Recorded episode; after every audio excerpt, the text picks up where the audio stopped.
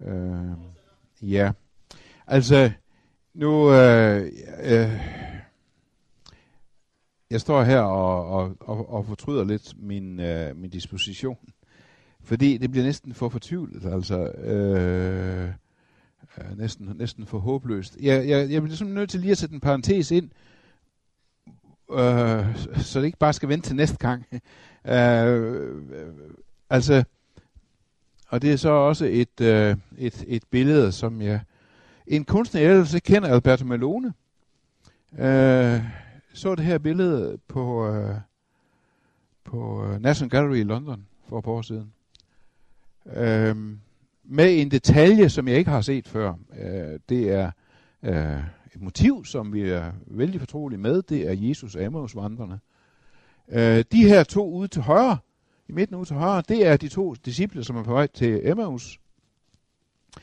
Øhm, og det løjerlige i billedet her, med en detalje, som jeg aldrig har set før, det er, at de to disciple, de har en glorie. Ikke, ikke voldsomt tydelig, men alligevel umiskendelig. Særligt her på ham der. Også, kan lige anes der, ikke også? Jesus, der kommer bagfra og indhenter dem, har ikke nogen glorie. For Jesus har forklædt sig. Kan I huske det med, at han, deres øjne er, er holdt til, så de ikke genkender ham. Jesus har forklædt sig som pilgrim. Øh, med, med pilgrimsstav og pilgrimshat. For det skal jo løgn, så har han den her lille Jakob-musling på hatten, som er, er pilgrimsvandrer. Han er simpelthen gået Caminoen. Øh, øh, hvor, hvor Kristus øh, øh, skjuler sig for dem, og jeg, det er jo en af de ting, jeg ikke kan forstå. Altså, hvorfor giver han dem ikke det der bamsekram, som de længes efter, som de virkelig har brug for? I stedet for så holder han en bibeltime og fortæller dem om alt, hvad der i skrifterne handler om ham. Og alligevel så siger de bagefter, brændte ikke vores hjerte i os, da han ud, øh, udlagde skrifterne for os, da han åbner skrifterne for os. Så det vi, det, det vi hele tiden skal have med os, når vi snakker om det her, og vi også når vi snakker om protesten, det er, at jeg, jeg følges med en frelser, som jeg ikke kan se. Jeg følges med en frelser, som jeg ikke kan se. Som har skjult sig for mig. Men han er der. Og det skal vi have med, når vi fortsætter øh, med Job. Øh, og som vi faktisk vil se næste gang, det er i Kristus Job også, eller blandt andet i Kristus Job finder fred med Gud og finder svar på sin øh, fortvivlelse. Øh, ja, altså, øh, det er så en parentes ind med en disposition, fordi det bliver næsten for, for udholdeligt. Fordi nu fortsætter så efter kapitel 1, hvor Job har sagt, Herren gav, han tog hans navn var lovet, så gentager det hele sig i kapitel 2. Næsten som om, okay, Job skal knækkes. Han skal ned med nakken.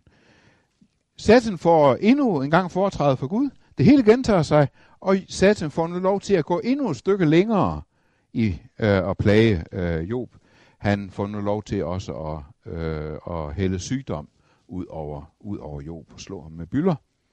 Øh, I sin højre hånd har Satan Guds giftpile. Guds giftpile. Det er Jobs udtryk i kapitel 6, hvor, øh, hvor Job klager over, øh, den almægtige pile sidder i mig, mit indre drikker deres gift. Guds grusomheder tager opstilling mod mig. Guds grusomheder tager opstilling mod mig. Altså, Gud er ikke bare passiv og tavs, han er forfærdelig, han er grusom. Gud har stille mig op som en skydeskive, og så plaffer han løs på mig med sine giftpile. Nu sidder de her giftpile i min krop, og, og mit, mit indre drikker deres øh, gift. Og det er dem her, Satan har øh, med det der hoverende smil. Hustruen er brudt sammen, øh, og, og, og hun, øh, hun, hun foreslår nu, at, øh, at, at Job skal gøre det, som Satan har vildt hele tiden, nemlig forbande Gud og dø. Forvent Gud, knyt næven mod himlen, så skal du se, så tager han dit liv, og så, så, så, så slipper du for at lide mere. Øh, og Job siger, jamen du tager det som en dårer. Skulle vi tage imod det gode fra Gud, men ikke imod det onde? Og så står der den her mærkelige lille detalje. Der kom ikke et syndigt ord over Jobs læber. Det stod der ikke første gang. Men her er det næsten som om, det begynder at, at koge inden i ham. Det kommer, det kommer ikke ud. Det kommer ikke ud. Endnu. Så sker det, der får ham til at bryde sammen. Der kommer tre venner for at trøste ham. Tre venner fra hver sit land. Job er en international skikkelse. Har hørt om hans forfærdelige ulykke, og de opløfter deres røst i klage over, at det er gået ham så forfærdeligt. De sidder på jorden hos ham i syv dage og nætter og maler ikke et ord til ham. Det er faktisk den faste sørgetid for døde. De, er, øh, de, de viser, at de faktisk er klar over, hvor, hvor, hvor, øh, øh, hvor forfærdelig hans øh, lidelse er. At det virkelig er døden, der har ramt manden, øh, selvom han øh, øh, ja, jo stadig øh, er i live. Og, øh, og der slutter så også deres klogskab. For så går det galt. Jo begynder nu at klage. Han begynder ikke at forbande Gud, han begynder ikke at bebrejde Gud, han klager ikke over Gud faktisk, han klager heller ikke til Gud endnu. Han klager over sit liv. Han klager over, at han ikke får lov til at dø. Det er meget, meget usædvanligt for det gamle testamente. I gamle testamente, der klager man altid over døden. Man, man, man, man bliver, beder om beskyttelse mod døden. Men her klager Job over, at han ikke får lov til at dø. Han ønsker sig døden. Og synes, at det er ondt af Gud ikke at lade ham, øh, at lade ham, øh, ham dø. Og vennerne, de, øh, ligesom på Sartmans tegning, de skjuler deres ansigt i forfærdelse over, at øh, han, han nu har mistet al øh, værdighed og al sans samling. Øh, og så begynder de at holde forelæsning. Nu kan de simpelthen ikke tige mere. Øh, Elifas, ham der, han er den gamle øh, blandt vinderne, han taler først. Og så holder han en ane lang tale, to kapitler. Ane lang tale. Øh, hvem kan holde ordene tilbage? Nej, det tror det jeg. Nu han skulle holde kæft i syv døgn. Nu kan han simpelthen ikke mere. Øh, og så begynder han at, at, at, at klage.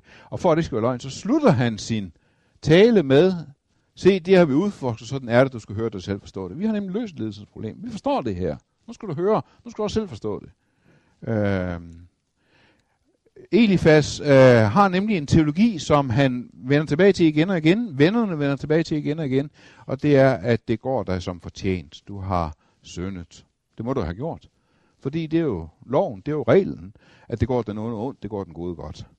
Så når du er lidt så forfærdelig, så må du have gjort noget ondt. Gjort noget forfærdeligt. Uh, han kan måske godt høre, at det er lidt tyndt, så han uh, henviser til et syn, han har haft. Han fortæller om, at han har ligget i sin seng. Har, det er Elifas selv, der ligger her. Og så pludselig står der en himmelskikkelse for ham, og, og hårene rejser sig på mit hoved, siger han. Ikke også? Så rejser hårene. Og, og, og heldigvis så siger den her natlige skikkelse præcis, hvad Elifas også selv havde tænkt sig at sige, nemlig at det går den onde ondt og den gode godt. For så er det ligesom øh, balance i tingene.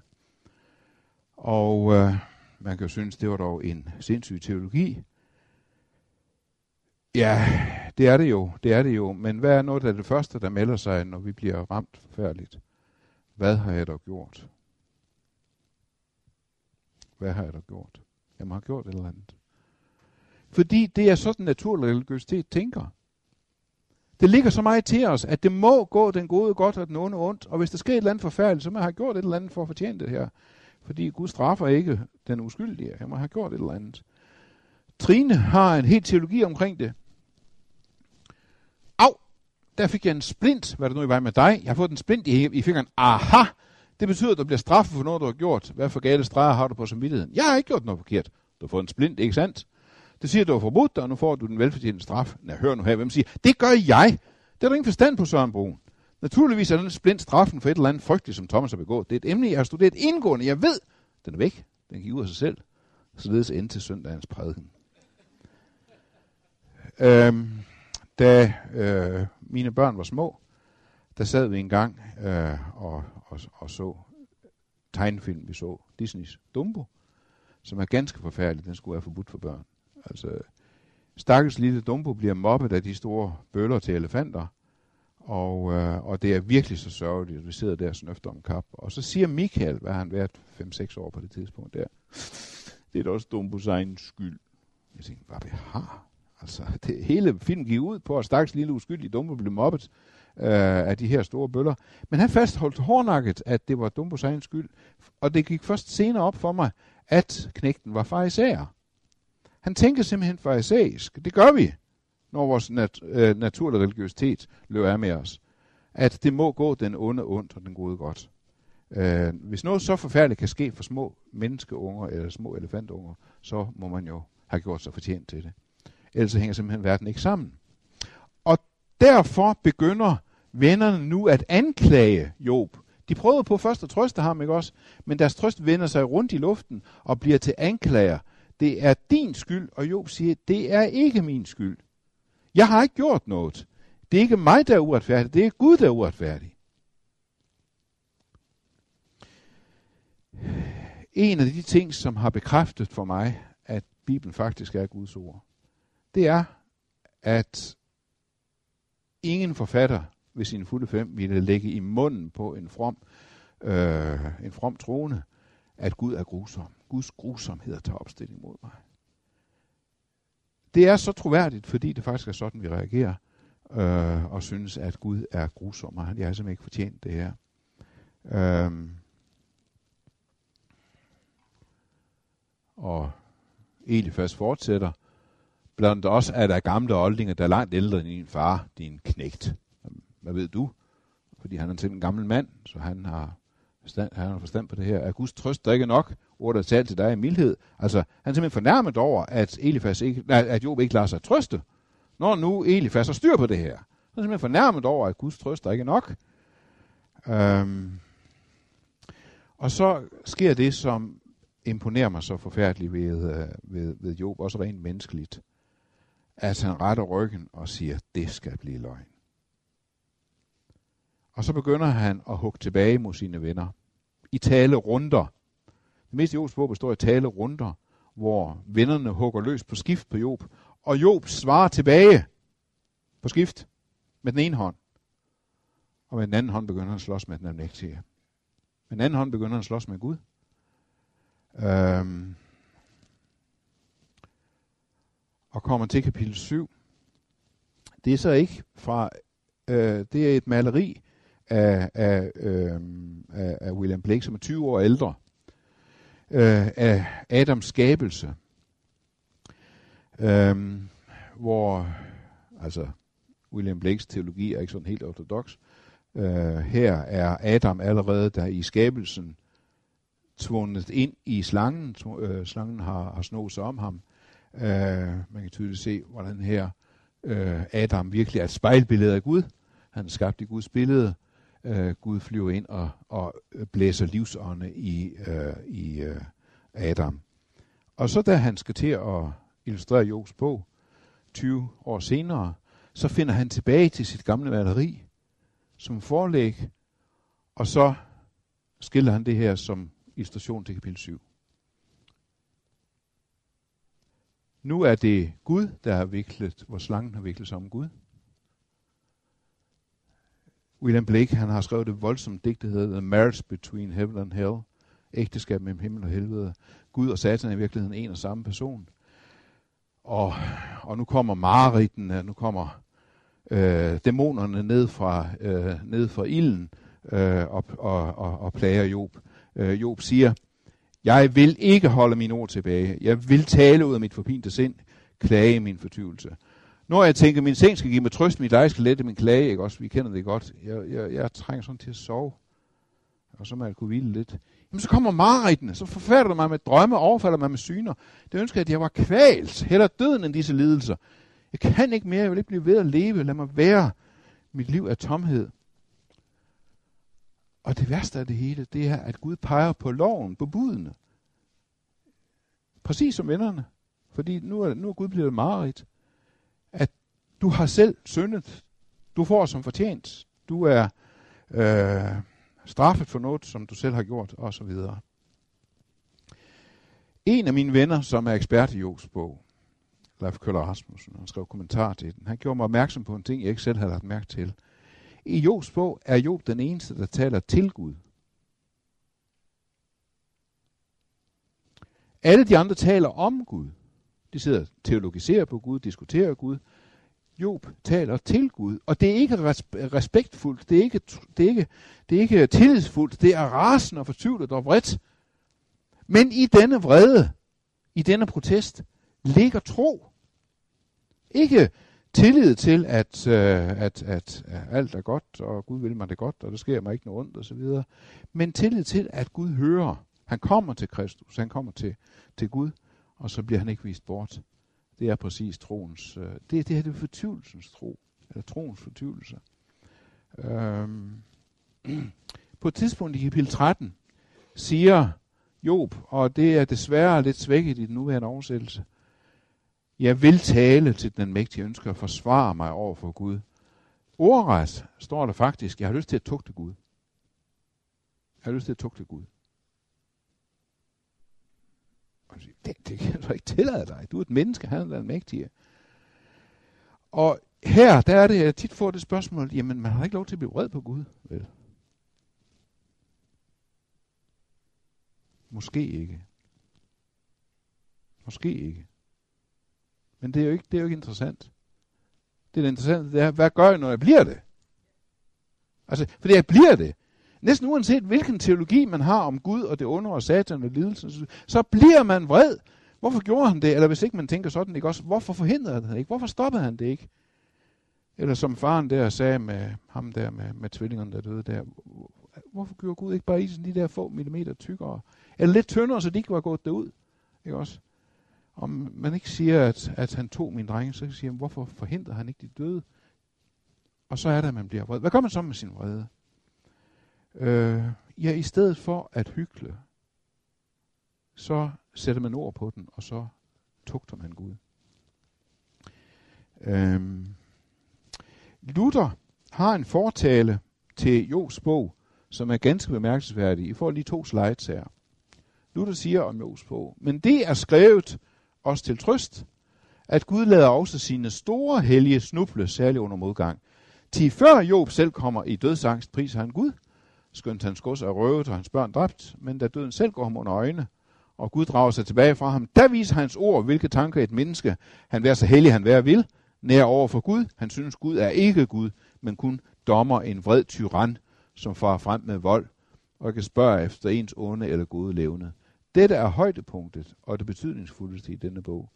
Det forstår kun de, som selv erfarer og mærker, hvad det er at være under Guds vrede og dom, mens hans nåde er skjult. Det er det vigtigste i Jobs bog. Det er den eneste bog i Bibelen, som har lidelsen som eneste tema. Og det vigtigste, det er vreden. Min kone har engang sagt til mig, at hun har læst et sted, at når man ligger ned, kan vreden være den stok, hvor man rejser sig op. Når man ligger ned, kan vreden være den stok, hvor man rejser sig op. Vi kender det over for mennesker. Når man ligger ned, og man er fuldstændig smadret, det også, så har man samtidig brug for vredens styrke. Det gælder faktisk også i forhold til Gud. Røden kan blive den, den, den røst, hvor man vender tilbage til. Øh, der er jo kommet en bog af Preben Kok, øh, som hedder Skæld ud på Gud. Så, og, øh, jeg synes faktisk, den er ganske glimrende. Og, øh, og, og man kan købe den overalt. Øh, jeg tror faktisk, at på grund af den bog, er der rigtig mange mennesker, der er begyndt at få deres røst til Gud tilbage. Øhm. Samtidig skal jeg indrømme, at jeg samtidig oplever, at unge mennesker næsten bliver for begejstrede for det her, og synes, jamen det må Gud jo finde sig i. Altså Gud har gjort det godt, og så må han jo lære sin plads og kende, ikke? Og så skal han have læst teksten osv. Faktisk så tror jeg, at man fatter først miraklet i det her, når man aner Guds hellige majestæt. Når man aner Guds hellige majestæt, så begynder man at fatte, hvilket mirakel det er, at jeg har ret til at gå i rette med Gud. At jeg har ret til at gå i rette med Gud. Han bliver ikke vred over min vrede. Øhm. Jeg skal lige have to, øh, to øh, citater. Jeremias siger i kapitel 12, vers 1, Herre, du får ret, når jeg anklager dig, og dog må jeg gå i rette med dig. Altså, selvfølgelig får Gud ret. Altså, det kan jo ikke, det, jeg kan jo ikke se for mig, at, at, at Gud siger, ej, okay, ja, det havde jeg ikke lige tænkt på. Det, jeg kan godt se, det er ikke for godt, og jeg har ikke gjort mig meget min bedste, men, men det må du undskylde. Altså, jeg ved godt, Gud får ret. Og dog må jeg gå i rette med ham. Det er barnens ret. En af mine venner fik leukemi for mange år siden og blev øh, helbredt øh, gennem lang tids øh, kemo og, og så videre. Og så en, var det halvsnits år derefter, så brød det ud igen. Og hun skal igen en kemo igen. Øh, og er, øh, er rask igen nu, men hendes krop har sig skadet af alle de der. Ja. Øh, da hun så ligger der anden gang, så, øh, så snakker hun så med en af sygeplejerskerne. Og de har fået sådan lidt, lidt fortrolig, Øh, så, så siger sygeplejersken, jeg kan se, at du har din bibel liggende. Når du nu ligger her for anden gang, hvad er så Gud for dig? Og så siger min ven, Gud er for mig for tiden som en far, hvor jeg har, ligesom et barn, lagt hænderne op om nakken på ham. Og så holder jeg rigtig godt fast, og så sparker jeg mig over skinnebenet, så det kan. Og sygeplejersken siger, kan man, kan man have det som med Gud? Ja, det kan man faktisk, fordi han er far. Han bliver ikke vred over min vrede. Øhm.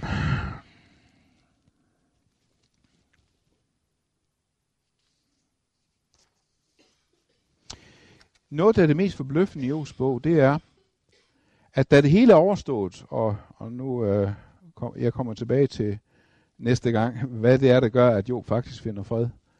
Da det hele er overstået, og Gud har vist sig for Job, og Gud og Job er blevet gode venner igen, øh, og Job har fundet fred med Gud, har Gud et regnskab mere at gøre med vennerne.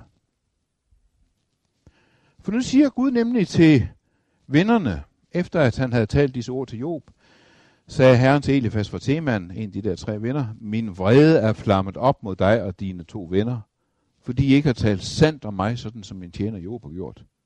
Jamen, det, det, det, var da Job, der var den her grove anklager, som skældte Gud ud for at være grusom og ligeglad og sadistisk og lunefuld. Vennerne, det var de her fromme forsvarer, som stod på Guds side og forsvarede ham. Og, og, så, og så, siger, så, siger, så siger Gud, min vrede er flammet op mod jer, som tog mig i forsvar. I har ikke talt sandt om mig, som Job har gjort. Jamen Job havde da ikke ret i, at Gud var grusom og ligeglad og lunefuld. Nej, og derfor sagde han faktisk også i sig til sidst. Men han har ret til at sige det. Det, at han siger det til Gud, det holder hans tro i live. Det holder kontakten åben til Gud. Altså en af de ting, som virkelig jeg har holdt mig i live, det har været Jesu ord, den der kommer til mig, vil aldrig vise bort. Og, og så er det ligegyldigt, hvad jeg kommer med, om jeg så kommer med tak og taknemmelighed og tillid, eller jeg kommer med vrede og forvirring og fortvivlelse og tvivl. Bare jeg kommer, så viser han mig ikke bort. Og det er det, Job gør. Han kommer til Gud. Og så bliver han ikke vist bort.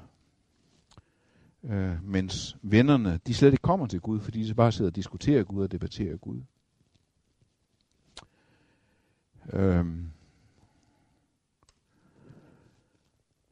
kære julemand, hvert år på denne tid sender der en ønskeseddel. Hvert år ignorerer du den og giver mig bløde pakker, som overhovedet ikke interesserer dig. Hvorfor? Er du tosset, der er blevet senil? Kan du ikke læse? Er du bare en pervers og ondskabsfuld næse, der elsker at knuse små børns drømme? Måske skulle du sove på det. Jamen, det var rart at få det ud. Er, er, det, er, det, er det det, vi snakker om her? Det er, bare, det er rart at få det ud. Det er rart at komme af med det. Nej, det er noget helt andet. Det er noget helt andet. Det er ikke bare som mental hygiejne, at det er godt at få lettet hjertet. Men det er tro. Det er bøn. Det er fortvivlelsens bøn. Ja, det er vredens bøn, men det er bøn, det er tro. Og protesten er vigtig for relationen til Gud.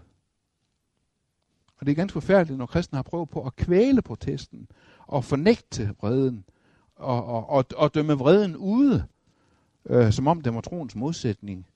Øh, det er den overhovedet ikke. Jeg skal til at runde af. Øhm.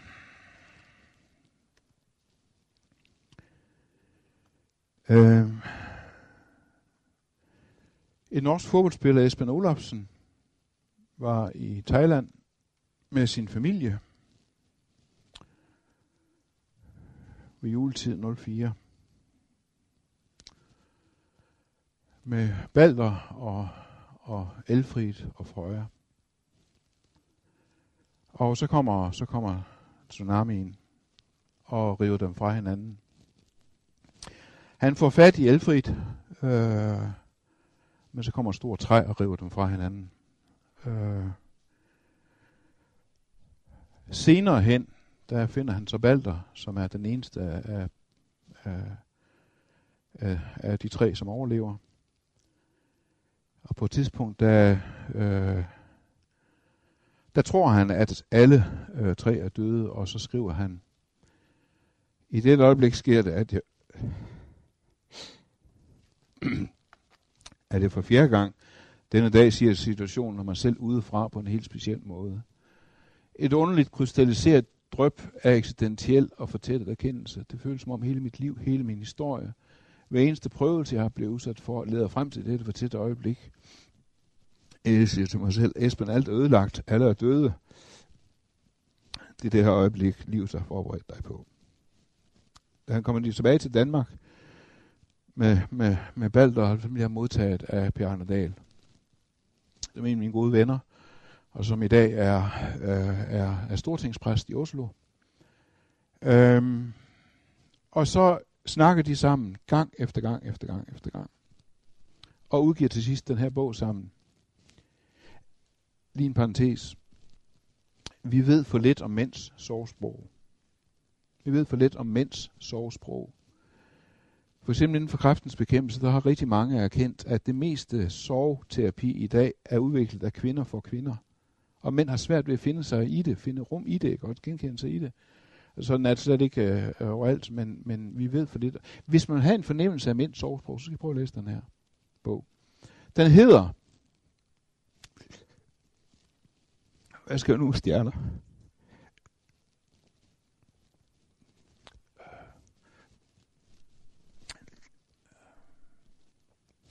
Det er det, Balder siger til, til far på et tidspunkt. Hvad skal vi nu med stjerner? Øhm, Per Arne Dahl skriver så, og det var det, jeg ville hen til, øh, i forordet. Tak til Esben og Balder, som har spurgt mig om at være med på at forsøge at give ord.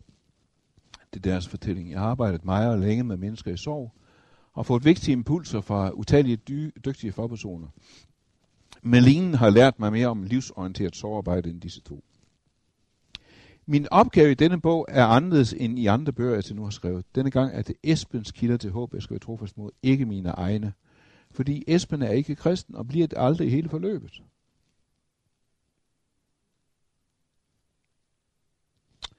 Hvad gør så Per Arne Dahl? Siger han, ved du, så har vi ikke noget at snakke om. For alle mine kilder til håb bygger på tro. Nej, han går lojalt ind og er tro mod Esbens kilder til håb. Og det er utrolig vigtigt det her, fordi det hører til vores kristne tro, at der findes kilder til tro, kristentroen ikke har patent på. Det hører til vores kristne tro, at der findes kilder til håb, som den kristne tro ikke har patent på.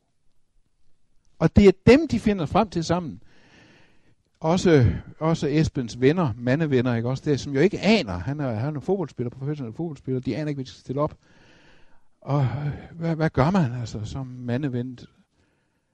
De kommer med, og de hugger brænde, og de tager opvasken, og de kommer med en ramme bajer, og de er til stede.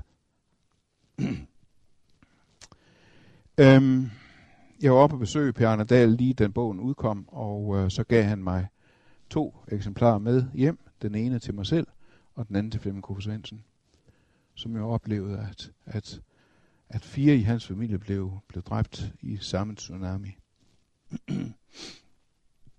det jeg ville sige her, det var, at, at, ja, at der findes kilder til håb, øh, som, som, øh, som også er tilgængelige for den, der ikke kender kristentroen. Det her, det er en af mine øh, vigtigste, et af mine vigtigste malerier.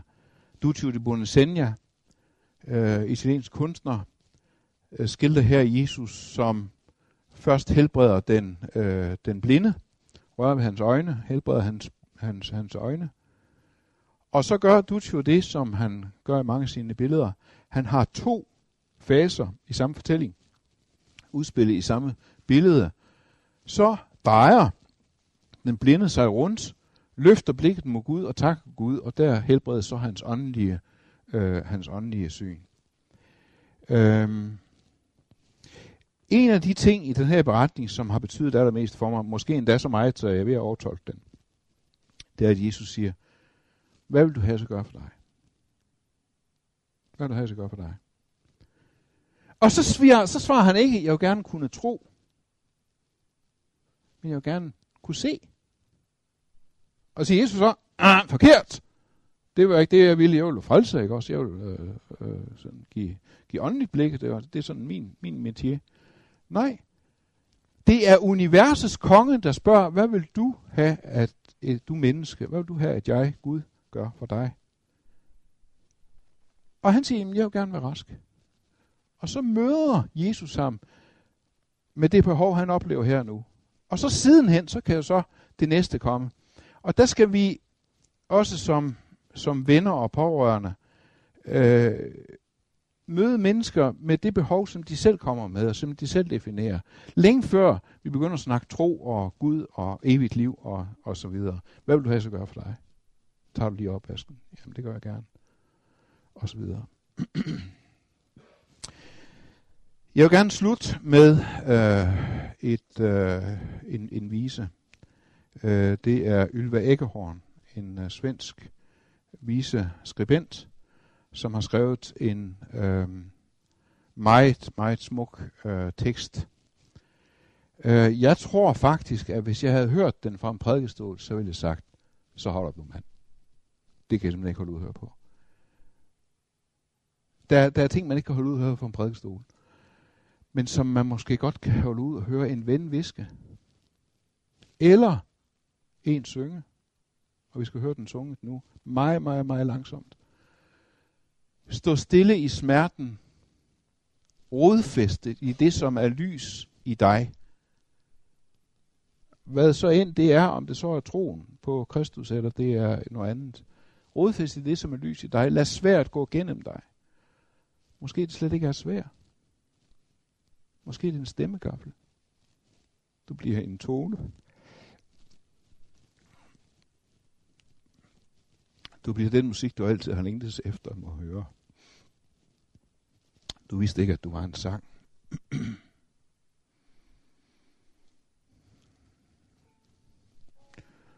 Det er så Lindvald Nyborg, der synger den jeg skal måske lige nævne, at øh, en spurgte mig i pausen, hvad jeg mente med det der med, at jeg aldrig havde oplevet den gode død, om jeg da mente, at den slet ikke findes. Og det mener jeg bestemt ikke. Øh, jeg mener, jeg, jeg, jeg ved om mennesker, der oplevede den gode død, den fredfyldte død, døden i troen på Kristus. Øh, og jeg kender, øh, jeg, vi har bare været så uheldige i min familie, at, øh, at, at vi ikke har oplevet det. Øh, selv, selv døden for dem, som, som i vores familie, som, som troede på Kristus, har været, ja, grimt død. Så, men jeg ved, at den findes, og jeg, jeg glæder mig til det, til, til også selv at opleve det.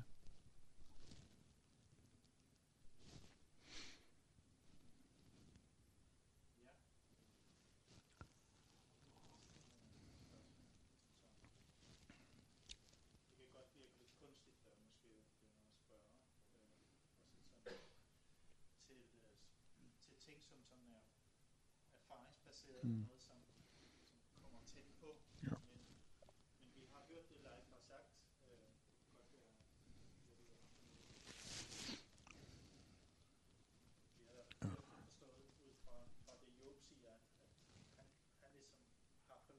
Mm. Ja. Ja.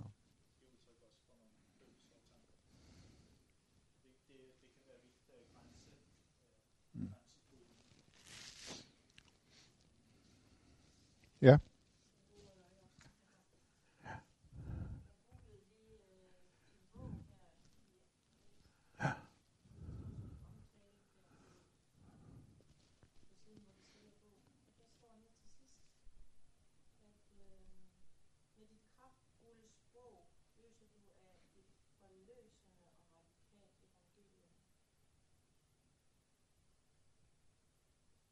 Mm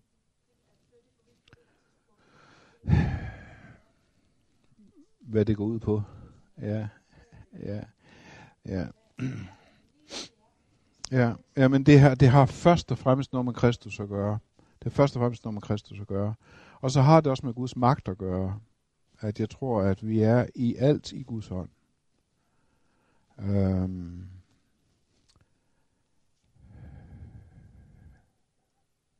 at selv... Nej, efter, efter, Altså, der er et ord, Paulus, som øh, jeg har et lidt specielt forhold til. Rigtig mange kender det. At alt virker sammen til gode for dem, der elsker Gud. Alt virker sammen til gode for dem, der elsker Gud. De fleste andre, bi- andre ord i Bibelen, dem kan jeg sådan, øh, det er Rombrevet kapitel 8, vers 28. De fleste andre ord i Bibelen, dem kan jeg sådan øh, øh, finde frem til, når jeg synes, jeg har brug for den, og, og sådan tænke på dem og sådan noget der. Men det har det der med at springe op i masken på mig, når jeg allermindst venter det. Jeg synes, at ting er rigtig svære, ting er rigtig dumme, og også det virker sammen til gode. Nå, ja. Og det kan jeg ikke se. Og jeg fastholder min ret til ikke at kunne se det. Men jeg tror det faktisk. Fordi, øhm, jo, men nogle gange kan man skimte det. Nogle gange kan man skimte, hvad det skulle, hvad det skulle tjene til. Nogle gange kan man ane, at, at det var alligevel, øh, at, der, at det kom, der kom noget godt ud af det. Men næsten aldrig. Næsten aldrig. Og øh, det er med ret ikke at kunne se det. Altså, jeg vil ikke bebrejde mig selv, at jeg ikke kan få øje på det. Men jeg kan, jeg kan have tillid til Gud, at, øh, at selv det værste, det øh, tjener mig til gode. Um, det er den ene ting, og den anden ting, det har med Kristus at gøre, som jeg var inde på. Øh, at, øh, at, at i Kristus, der, der, der finder jeg den der tillid til Gud, som jeg ikke kan se i, i, i hverken lidelsen eller i livet eller i døden.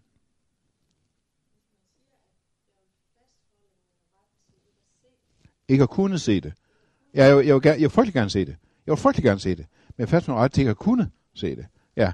Og hvis, hvis jeg opdager et eller andet, og det, jo, der sker, det sker jo, at jeg, der jeg sådan kan se på, på lang afstand, at øh, jamen, jo, det virker sammen til gode. Men I, I kender det garanteret. Hvis, hvis, øh, hvis I sidder der og hulker, hvorfor skulle det ske? Og en af jeres venner er så dum at hoppe på den og sige, jamen det var måske fordi, det var måske for at, så er man parat til at kværke dem. Jeg har ikke brug for forslag til, hvad det skulle tjene til, eller formidlende omstændigheder, eller for, altså, den der for eksempel, nu kan du blive en bedre prædikant for andre. Jeg er ligeglad! jeg vil ikke igennem det her, for at skulle blive, med, blive en bedre prædikant. Altså, men jeg kan have tillid til Gud i Kristus. Til at selv det værste tjener, tjener til det bedste. Øh, også selvom jeg ikke kan se det.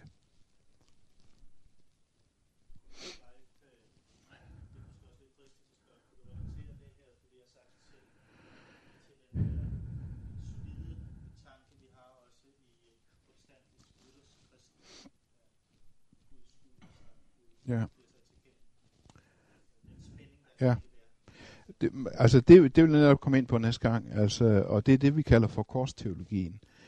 Altså den måde at møde Gud på, som finder sin kulmination på Kristi kors, men som i virkeligheden er et grundmønster i hele Guds måde at møde os på, og allermest jo i netop lidelsen, at øh, vi oplever Gud anderledes, end han virkelig er. Vi oplever Gud fjern, vi oplever Gud ligeglad eller ligefrem grusom. Og vi ved i Kristus, at han ikke er det. Det, det er korsteologi. Øh, og det, øh, ja, det kommer jeg ind på næste gang.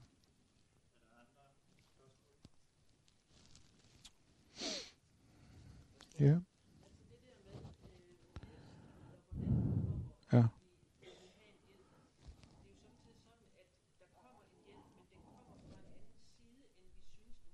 Yes. Ja. Ja. Ja. Ja. Ja. Og som vi vil protestere imod, hvis vi bliver spurgt. Ja. Ja. Ja. Ja. Jeg er fuldstændig rigtigt. Ja. Ja. Ja. Ja, det er rigtigt. Ja.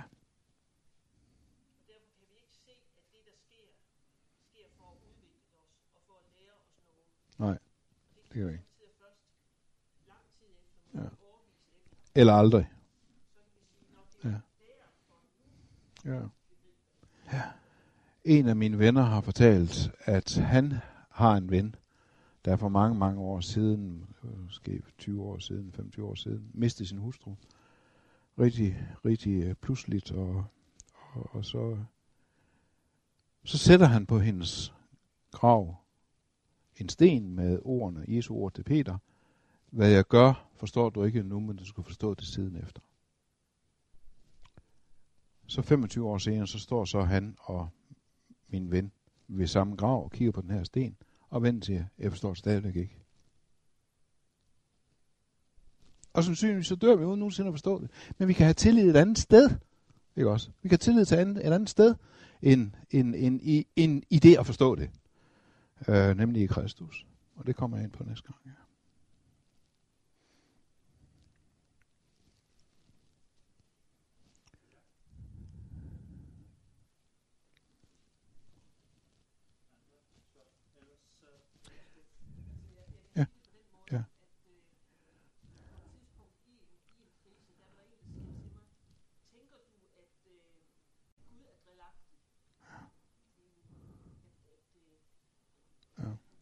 Mm.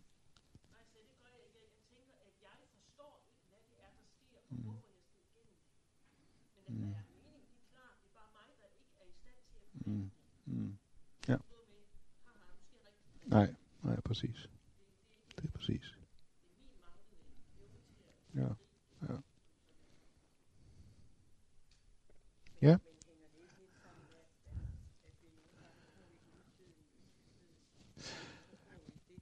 Jo. Jo. Det er rigtigt. Jeg skrev faktisk en lille, jeg skrev faktisk en lille opfølger på den der Gud, hvorfor sover du, som hedder, jamen hvad er det for lidt? Fordi rigtig mange, når de synes, at de har bedt og bedt, og de har ikke fået det, de bad om, jamen, så begynder de at bebrejde sig selv. Jeg har nok ikke bedt ordentligt, jeg har nok ikke bedt nok, jeg har nok ikke bedt med tilstrækkelig tro osv. Det må på en eller anden led være, være, være, være min fejl.